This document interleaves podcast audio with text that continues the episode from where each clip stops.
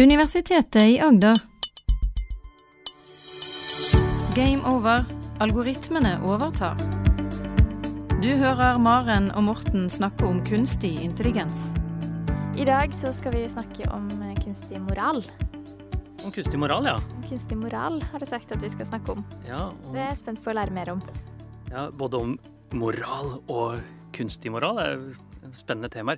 Og jeg, jeg tenker jo at det ville vært en veldig eh, fin ting å ha eh, noen som kan hjelpe med disse moralske valgene som er så vanskelig i hverdagen, ikke sant? Ja, for åssen er egentlig kunstig intelligens på moral? Har de moral? Kan kunstig intelligens ha moral? Ja, Så det er vel sikkert litt øyet som ser, da. Ja. Men eh, om det kan ha moral jeg, I mitt hode så er det ingenting i veien for at de faktisk kan ha det, selv om stegene mot dit er litt usikre. Ja. Og jeg tenker når jeg, Hvis jeg da i hverdagen sitter og har et, et eller annet moralsk valg foran meg, skal jeg gi penger til den uteliggeren som ligger der, eller skal jeg heller spare disse pengene og gi det til en veldedig organisasjon? Så Mm. tenker jeg, er det, så er det, er, ja. Hva, hva ville du gjort, for eksempel? Gir du penger til uteliggere som ligger og ber om penger? Nei, ikke ofte. Ikke ofte. Nei. Men sparer du de pengene og gir de til noen andre, eller bruker de på Litt forskjellig. klær og okay, ja. Man må jo litt av alt, tenker jeg.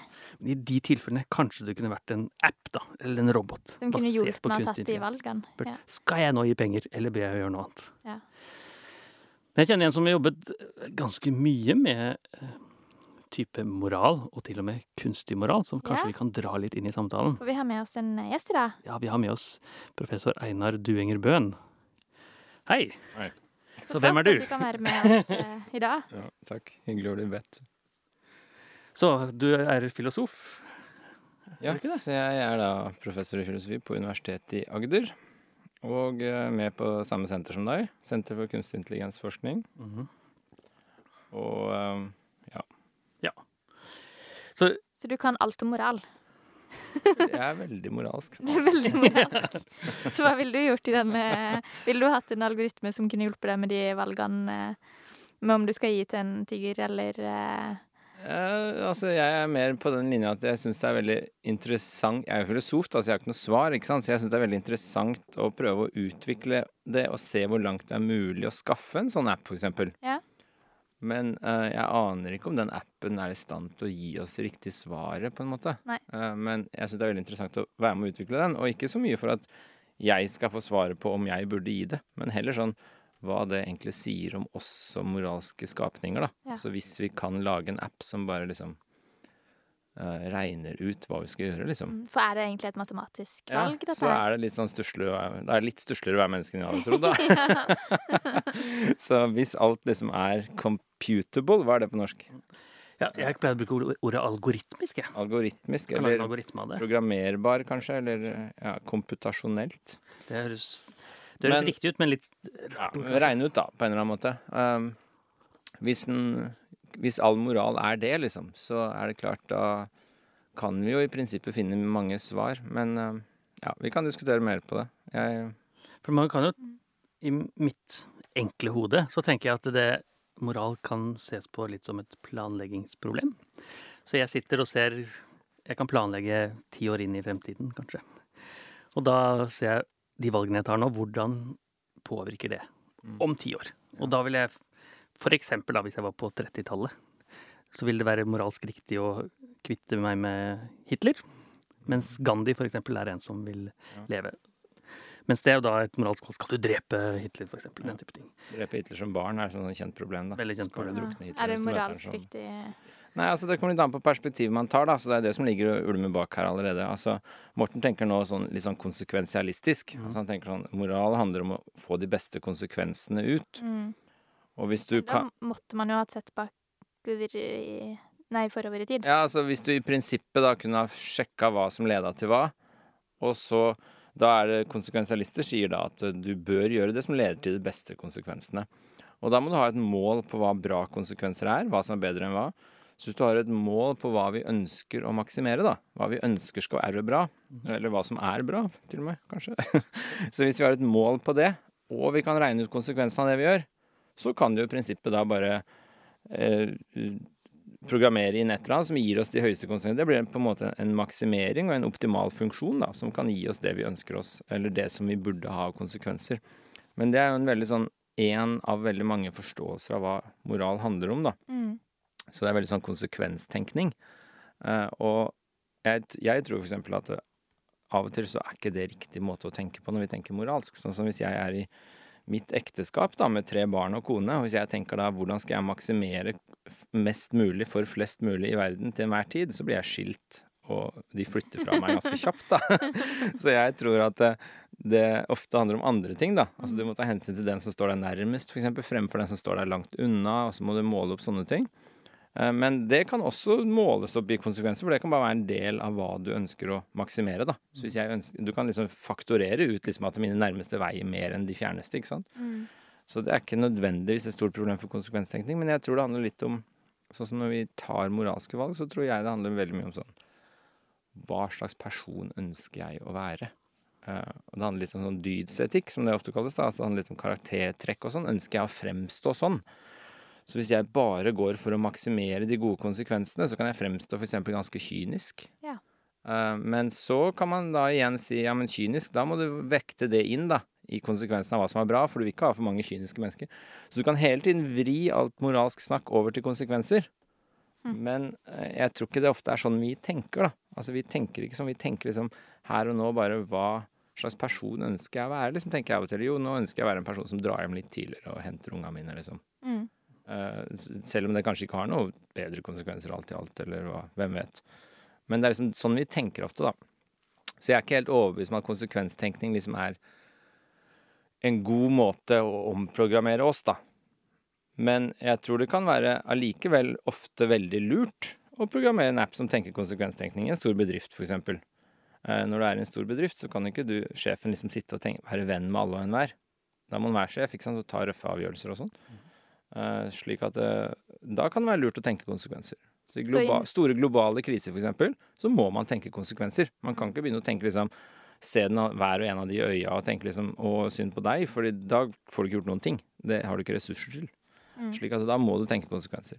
Så i noen sammenhenger kunne en sånn app vært eh, Ja. fornuftig, mens i, i hjemmet eksempel, så ville det kanskje ikke vært like relevant.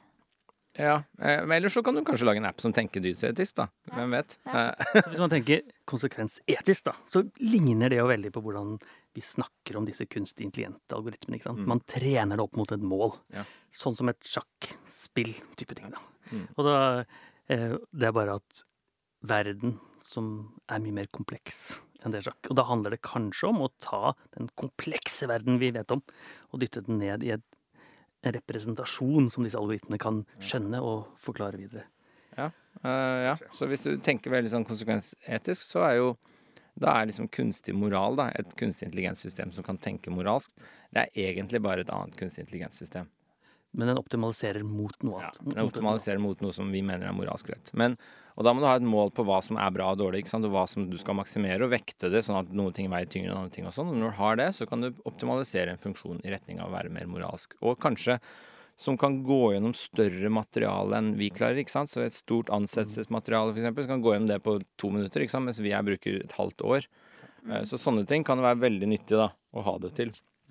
Eh, Men det er jo fortsatt et problem vi, vi må fortsatt programmere hva som skal vektes, Mm. og hva som skal maksimeres, og hva som er bra. Og det er jo det som egentlig er det moralske problemet. Ikke sant? Så hvis du vet hva som er bra, så vet du hva du skal gjøre. Ofte, da. Men eh, så du må jo først finne ut hvor du skal vekte det, Ja. før du kan sette det i gang. Eh, og det er det som liksom er det tricky her, da. Og da kan det være at det, i den vektingen, hva, hva om den ikke er konsekvenstenkning? Altså hva om den vektingen da er slik at det, jeg må tenke på hva slags samfunn ønsker vi å leve i, heller enn liksom hva er de beste konsekvensene. Det kan også være, ikke sant. Så Og det vil kanskje endre seg litt fra person til person? Eller er dette litt Ja, noe, eh, men altså, noe etikk er nok eh, Det er jo et sånt stort spørsmål, det, da, om alt er relativt og sånn, men eh, noe etikk eh, mener jeg er ganske sterkt, da. Ganske overbevist om, faktisk. Ikke er relativt, da. mm. Hvis du tenker på de litt begrensede utfordringer, da, som du dro opp ansettelse som et eksempel. Så der er jo konsekvensen veldig tydelig, tenker jeg. Der du skal ansette like mange menn som kvinner. Like mange med Eller minoritetsbakgrunn skal ikke bety noe. De type tingene. Så det tenker vi da konsekvensetisk, eller tenker jeg det, når jeg diskuterer det på den måten?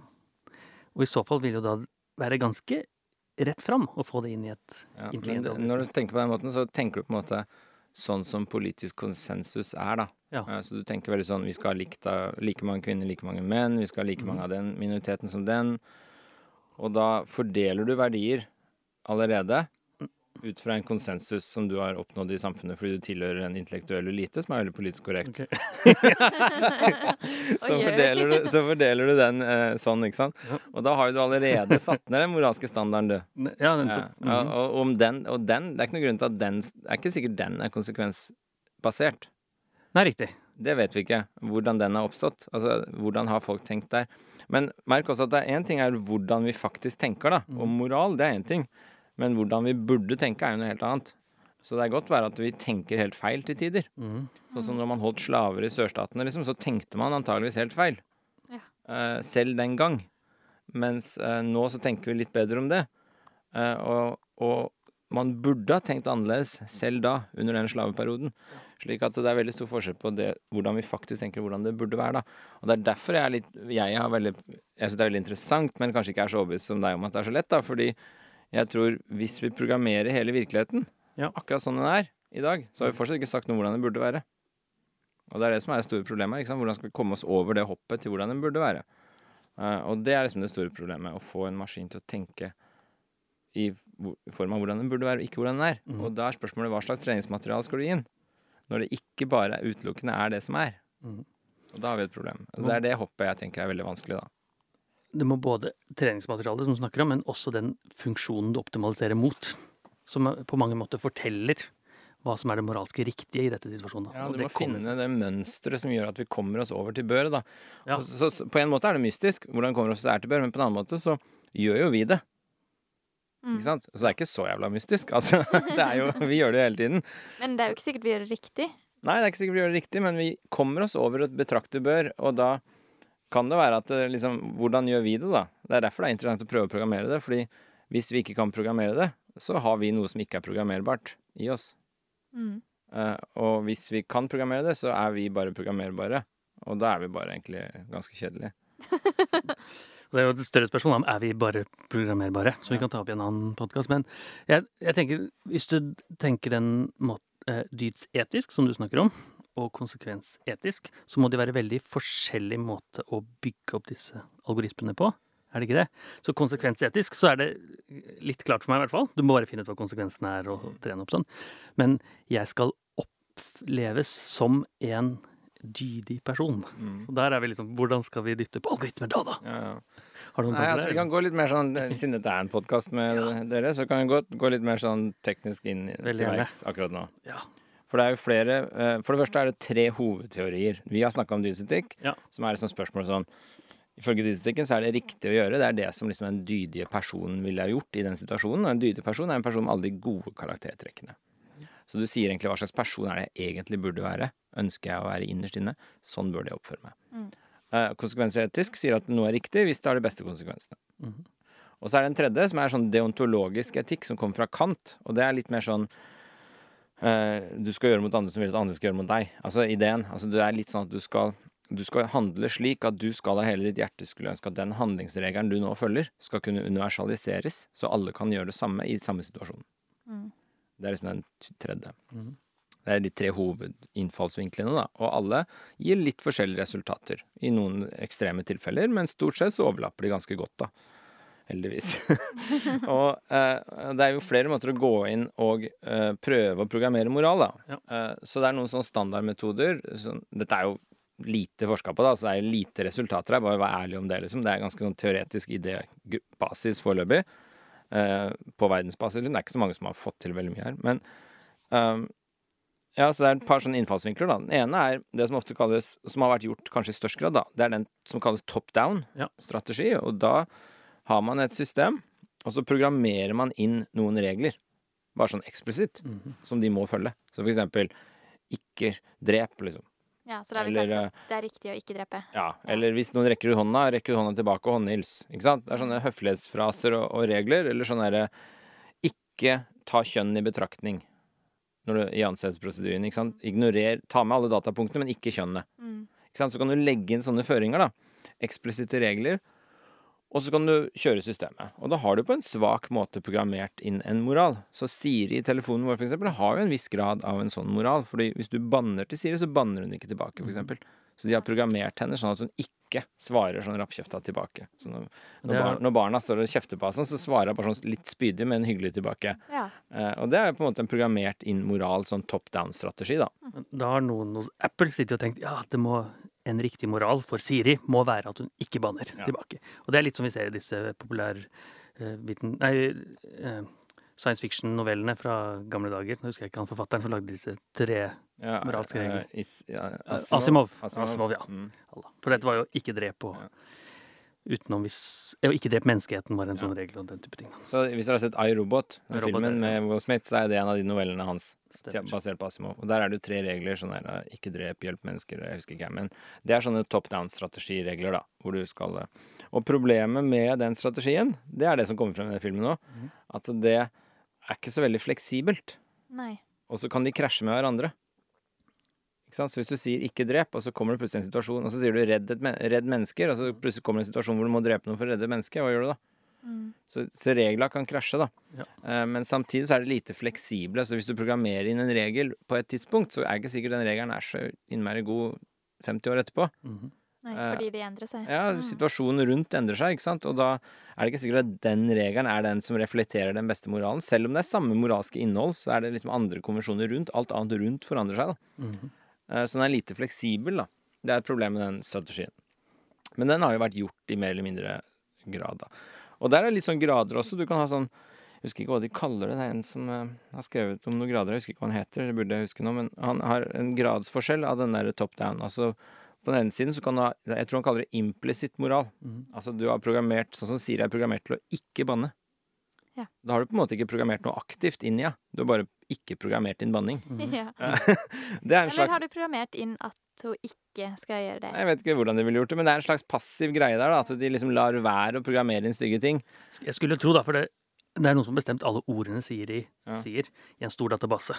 Og så har de bare ikke tatt med de kjente banneordene, Ja. tenker jeg. Så de har bare, de, de de har bare latt være å ta med Jeg tror de bare har latt være å ta det. I De har ikke sagt 'ikke si det'? Nei, for hun, vet, hun klarer ikke å gå utenfor det vokabularet som er gitt. Hun, Nei. sier- hun sier jo bare det hun får beskjed om. Og så Ja, er men jeg bare trodde hun lærte mer og mer. Det er veldig lite sånn kunstig intelligens i Siri. Ok. Eh, Så det er, eh, veldig mye av Siri er programmert eh, fra bånn av, og i hvert fall ordvalgene er programmert. Ja. Er det sant at Siri er oppkalt til Siri Kalvik? Det er i hvert fall det jeg har hørt flere si, da. Da kan du velge en mannlig Siri òg, men jeg husker ikke hva han heter. Sara? Nei, det ble en Sara, det dame, det var. Høres Sara. Eh, Sare. Nei, men i hvert fall så det er, det er en grad det er sånn implisitt. Du lar være å programmere slemme ting. Eh, men så kan du ha litt mer positiv eh, moral. og Da programmerer du inn regler som er sånn smil når noen ser på deg. Ikke sant? Det er sånn aktiv programmering som er hyggelig, og da legger du inn aktiv moral på en mye mer måte enn du gjør når du er en passiv bare lar være å programmere en slemme. Så legger du inn snille Ja. strategier. Eh, Det er litt mer sånn gradsforskjell, ikke sant? Litt mer aktiv moral som programmeres inn, da. Uh, og, ja, så det er liksom sånn nyanser da, i den strategien, men alt er jo liksom bare du programmerer, eller lar la være å programmere noe, og så følger du det. Så det er lite fleksibelt, da. Og så er det den andre strategien som jeg syns er kanskje mer interessant, da, som vi driver litt med på, i Grimstad på Care også. Mhm. Og det er jo å prøve å Det er en såkalt bottom up-strategi. Okay. Hvor du ikke nødvendigvis programmerer inn eksplisitt eller implisitt regler for hva den skal gjøre, men du trener opp systemet på mengder data til å selv finne mønstre for hvordan det burde oppføre seg. Så da er det en sånn bottom up-strategi. Så den passer bedre til det som kalles maskinlæring, mens den andre passer bedre til liksom sånne eksplisitte regler som du bare programmerer inn. da. Så den top down passer faktisk best til sånn type sånn det jeg kalte deontologisk eller konsekvensetikk, fordi den bare, du bare programmerer inn det du skal oppnå. Mens uh, den uh, bottom up passer kanskje bedre til dydsetikk, da. Ja. Fordi den skal lære seg opp på datamaterialet til å bli en god, om ikke person, så et godt system. Eh, og da kan de jo se og lære av andre gode mengder med data, ikke sant. Og så finne mønstre der som den kjenner igjen, som vi kanskje ikke til og med umiddelbart kjenner igjen, ikke sant. Eh, og så kan den da kanskje trenes opp til å bli en ganske god person, da. Og det syns jeg er den mest interessante strategien, som det er gjort minst på av de to, da. Så er det kanskje den mest interessante, da. Men det fordrer at du har eh, data eh, som er moralsk riktig og moralsk feil, og så skal den finne trender i de moralsk riktige og finne de moralske feil. Men noen må jo ha sagt Ja, at dette er moralsk Så nok riktig. en gang, du må ha et slags belønning her, sånn at det, det går i en retning fremfor en annen. Um, Ikke ville vi jo kanskje fått en motsatt effekt. ja. Ja. Men sånn er det jo med alt. Sånn er det også det med barna mine òg. Jeg må jo gi dem en slags belønning når de går i riktig retning, og en, en straff når de går i feil retning. Jeg klarer jo ikke det, da, men jeg skulle ha gjort det. det skulle vært planen, liksom. En god oppdragelse. At du liksom leder det i riktig retning. Selv om du selv ikke nødvendigvis vet alltid hva svaret er. Så er det røffe linjer du er ganske klar over. Du vet liksom at du skal ikke slå vilkårlig og sånn, og da prøver du å dytte dem i den retning i hvert fall. Selv om du ikke vet burde han ha slått i den spesifikke situasjonen. Kanskje, for hvis han andre var skikkelig dust, liksom. Så det er litt sånn gråsoner, da. Men allikevel uh, så er det ganske klare sånne grove trekk. Og det kan du, vil jeg tro, da, klare å trene opp et system til. I hvert fall i de grove trekkene. At du lærer det f.eks. å ikke diskriminere, eller du lærer det å ta hensyn til andres behov, og du lærer det sånne ting, da. Uh, og det tror jeg uh, er en mer interessant strategi. Og det er f.eks. viktig hvis du tenker på hjemmerobot, hjemmehjelpsroboter og sånn, så er det den type moral jeg tror blir veldig viktig. da. At du trener den opp i de situasjonene den skal være i. Sånn at du ikke implementerer en regel liksom pilla skal gis klokka fire. Så kommer roboten inn og bare gir den samme hva liksom klokka fire. Holder den nede og stapper den inn, liksom. Det er ikke, samme, det er ikke den gode strategien. Det er, samme, det er de gode konsekvensene, da. Jeg er kanskje ikke det heller. Men uh, at en da liksom tar betraktning av mer, mer følsom overfor situasjonen rundt, da. Uh, og at den blir liksom en rettferdig og en følsom eh, Det hadde jo vært fint hvis robotstøvsugeren min kunne skjønne når den skulle være stille, og når den skulle Ja. være på, uten at jeg måtte si det til han. Ja. Du mener det er moralsk feil når du blir vekt av robotstøvsugeren? Ja, det tenker jeg. midt på natta? Ja. ja. Jeg får litt slitsomt. Støvsugeren bare står bom stille helt til han ser du åpner øya, da bare er Jeg tenker mer til det er ute av døra. Når det er tomt i huset, da kan Men Hvis du tenker at det systemet du snakker om nå, og så tar vi det tilbake til eh, eksempelet du brukte tidligere, slaveri i USA, og trent opp i det systemet, så vil jo typisk de som eh, drev slaveri, som vi alle er enige om helt, var helt feil, eh, ha andre eksempler på god og Mhm. dårlig moral. Ja. Og den vil jo plukke opp da type slaveri er helt ok. Ja, eh, så, dette, så det beste igjen, ikke sant, det er jo litt sånn eh, treningsmateriale. Det er jo denne strategien om shit in, shit out. Ja. Så hvis du legger inn dårlige data, så får du dårlige resultater ut. Eh, og det er det i alle opptreningsfaser. Det, sånn er det jo i mennesker òg. Hvis du oppdrar unga dine feil, så kommer de litt skække ut, liksom. Ja. Så sånn er det overalt. Men poenget er at jeg tror du kan tenke deg dette her kan jo oppdateres på datamengder i samtid, f.eks. Altså, når tidene forandrer seg, så kommer det nye dataer inn. Og det er jo det man prøver på. Sånn som Amazon gjør dårlige ansettelser fordi de er basert på gamle data. Så skjønner jo de det etter hvert, og så begynner de å oppdatere datamengdene sine. Med, med rette datamengder, da. Eh, Så igjen så er spørsmålet liksom hva slags datamengder skal du fòre den med? Men, eh, og da må vi på en måte være bevisst på at vi må oppdatere med nye og gode data og sånn, da. Men allikevel så kan en oppdage strukturer som vi ikke hadde sett, da. Og så kan en kanskje oppdage strukturer sånn som på litt lengre sikt viser seg å være bedre enn vi hadde sett, f.eks. Altså at eh, vi tenker veldig sånn nærsynt og kortsiktig, da. Mennesker er veldig sånn opptatt av liksom Har jeg mat på bordet i dag, liksom? Mens kanskje den ville komme til avgjørelser som er litt mindre sånn selvsentrert og nære i tid, da. At den ville sagt liksom Ja, litt mindre mat nå i dag, for eh, ja, om 14 dager så kommer det noe som dere ikke har skjønt. Ikke sant? At den kunne komme seg dit, da. eh, Og gi oss råd og sånn. For det ville jo vært fint hvis den hadde vært bedre enn oss. Ja, På så samme det- måte som du ønsker at barna dine skal skal bli enda da. bedre enn Ja, deg. så ungene mine skal jo bli bedre enn meg, ikke sant. Det er målet mitt. Og da, Det samme med den roboten. Mm. Uh, og det kaller vi ofte supermoral, da. Det er noen som gjør det, i hvert fall. Supermoral, at den blir liksom mye mer moralsk enn oss. Det er jo litt skremmende tanke, men da kommer det litt sånn til uh, Det er også spørsmål om det da, hvis den begynner å gjøre ting som vi ikke gjenkjenner som moralsk rett i det hele tatt, Ja. Så blir det et vanskelig spørsmål om det i det hele tatt er moralsk rett. Mm. Hvis vi ikke klarer å gjenkjenne det under noen betingelse Mhm. som moralsk rett. At det er bare noe helt annet. Det er sånn Ja, men dette her er vel ikke moralsk rett, Det er ikke tenker vi noe da. vi vil forholde oss til. Dette er ikke vårt liksom, Nei. eh, ønske. Slik at det er nok en balansegang her, da. Men at vi over tid kanskje kan erkjenne at ja, den har faktisk rett, så vi begynner å stole mer på den enn oss selv av og til, i noen settinger og sånn. Det ville vært fascinerende. Men det Ja, for det ville jo for- vært uh, veldig fint i slavetida om noen kunne lært at Ja. det ikke var rett. At en liksom predikerte liksom at dette er, dere skjønner jo det her, se alle disse datapunktene, og dette kommer Mm. ikke til å gå bra over tid. Mm. Og, men ja. For det er jo ikke så far-fetched. Når vi tenker på de kunstig intelligensene vi har i dag, så blir jo de egentlig bedre enn enkelteksemplene. I sjakk, for eksempel. ja, da. ja. Så det er jo den sjakkmaskinen AlphaGo, som var trent med data, ble jo eh, bedre enn alle de eksemplene han dytter inn. Så fant vi noe fellestrekk. Ja, ja. Mm. Og så kan man tenke her, da. Du bare dytter inn nok eksempler på det vi mener er god moral, så kanskje den trekker ut en fellesnevner for disse. Mm.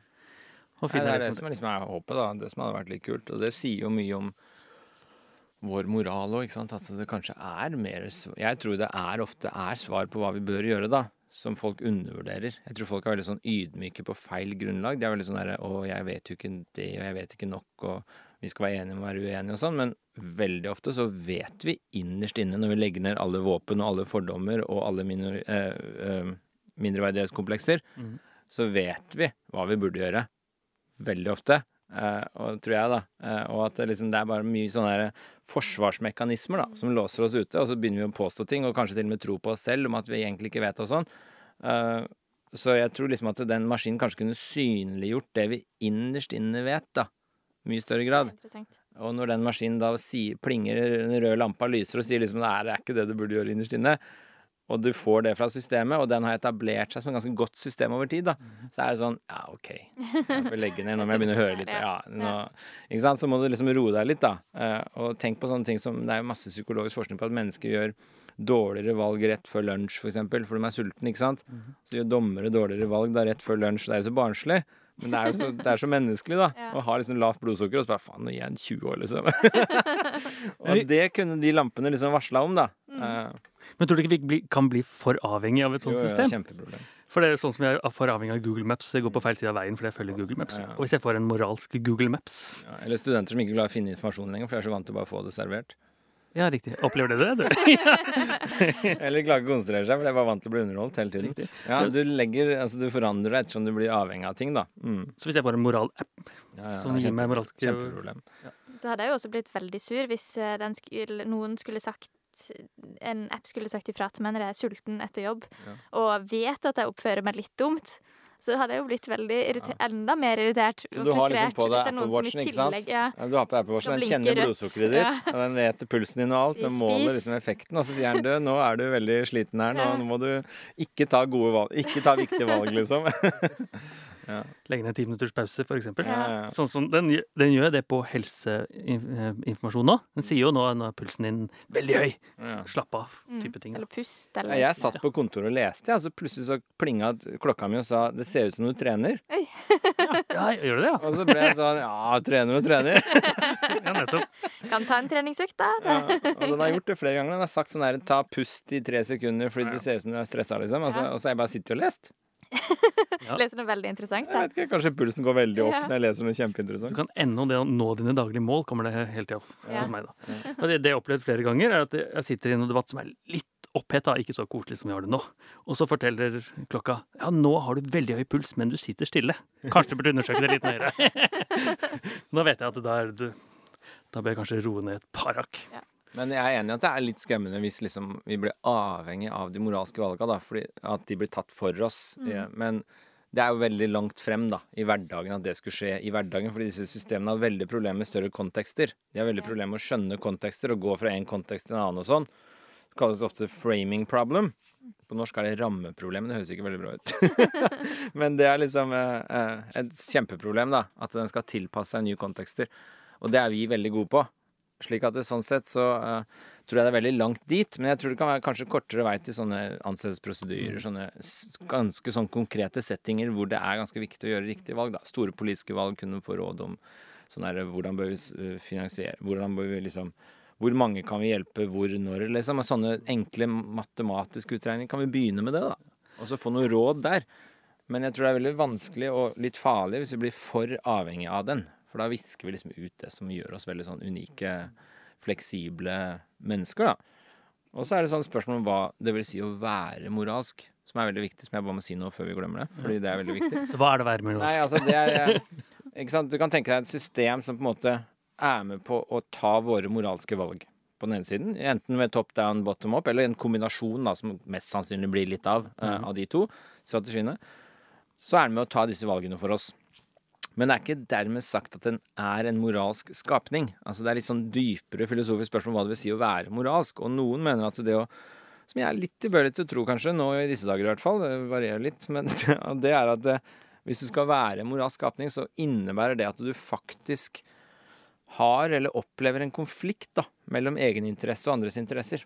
Altså Hvis du ikke opplever den konflikten, så er du egentlig ikke en moralsk skapning. Da er du bare en maskin. Eh, mens eh, det at vi opplever den konflikten Jeg opplever en konflikt mellom hva jeg tenker er mine behov, og hva jeg tenker er deres behov. Og så må jeg faktisk veie opp og ta et valg på den konflikten. Hva skal jeg gjøre? Og så føler jeg en konflikt. Og da er jeg genuint et moralsk tenkende vesen, ikke sant? Eh, og det gjør ikke katta mi, for eksempel. Den bare jager musa og fanger fuglen, og så tenker han ikke noe over det. Og har ikke noe konflikt om hva den egentlig burde gjøre mellom sine egne og fuglens interesser. ikke sant? Men det har vi. Eh, og den konflikten er nok kanskje, tenker jeg, da, viktig for å være en moralsk skapning, da. Og, og det er ikke alltid svar på hva du burde gjøre. Og da tenker jeg det er veldig viktig å tenke eksempel, hva slags person ønsker jeg å være nå? Ønsker jeg å være den som tenker på meg, eller de andre? Av og til må jeg tenke på meg, for ellers så går det dårlig i livet. Og av og til må du tenke på andre, for ellers så blir du veldig egoistisk. Og den balansegangen er det antageligvis ikke noe godt svar på alltid, ikke sant?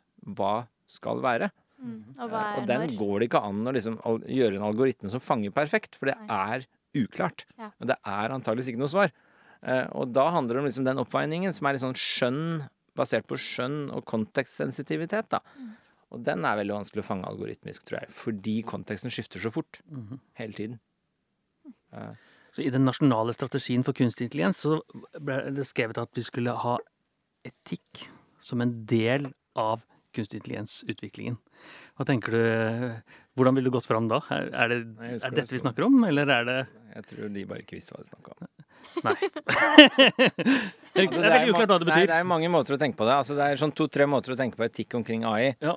Og det ene er liksom Som er mest vanlig, da, som kanskje var det de tenkte på, det er Nå har vi kunstig intelligens-systemer, kunstig intelligente systemer, i hendene våre. Hva bør vi gjøre nå?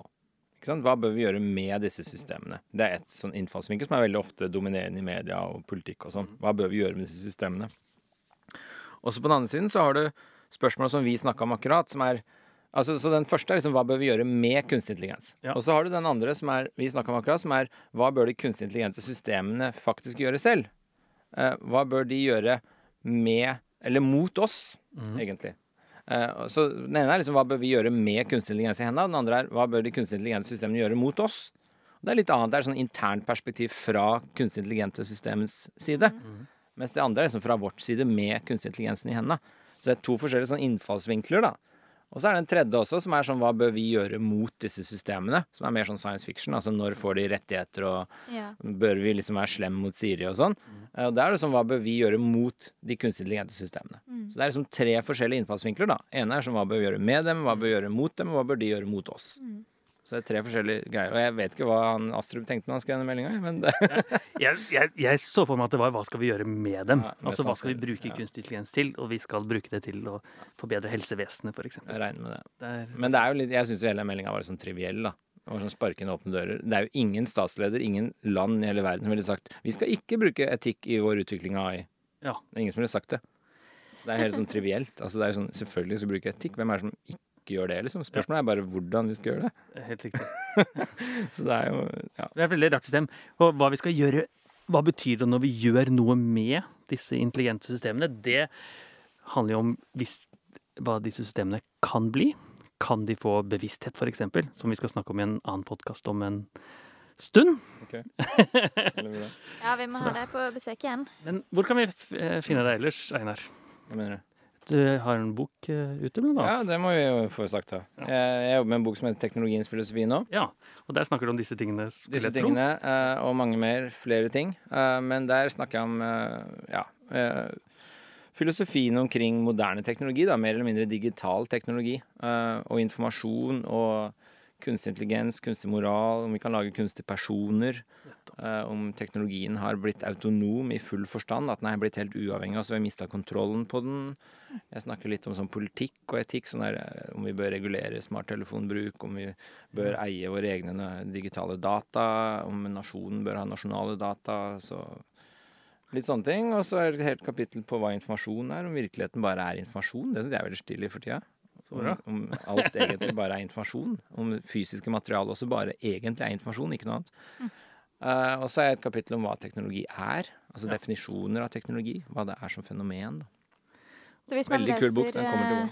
leser den boka og Morten sin bok om kunstig intelligens, da, AI, myten og maskinen, ja, som kan bestilles nå et eller annet sted. Ja. da Hvis du får de har to, man et da, godt grunnlag. da har du det du trenger, egentlig, hvis du har Morten og meg sine bøker. Da oppfordrer vi til det. Og så leser jeg eh, boka mi som heter 'Meninga med livet'. Ja, Du har så derfor Der får du også svaret om meninga med livet. Ja, da får du eller alt. noe står det. Der også er det litt om teknologi på slutten. Da er skjønner du hva meninga med livet rett og slett. Så bra.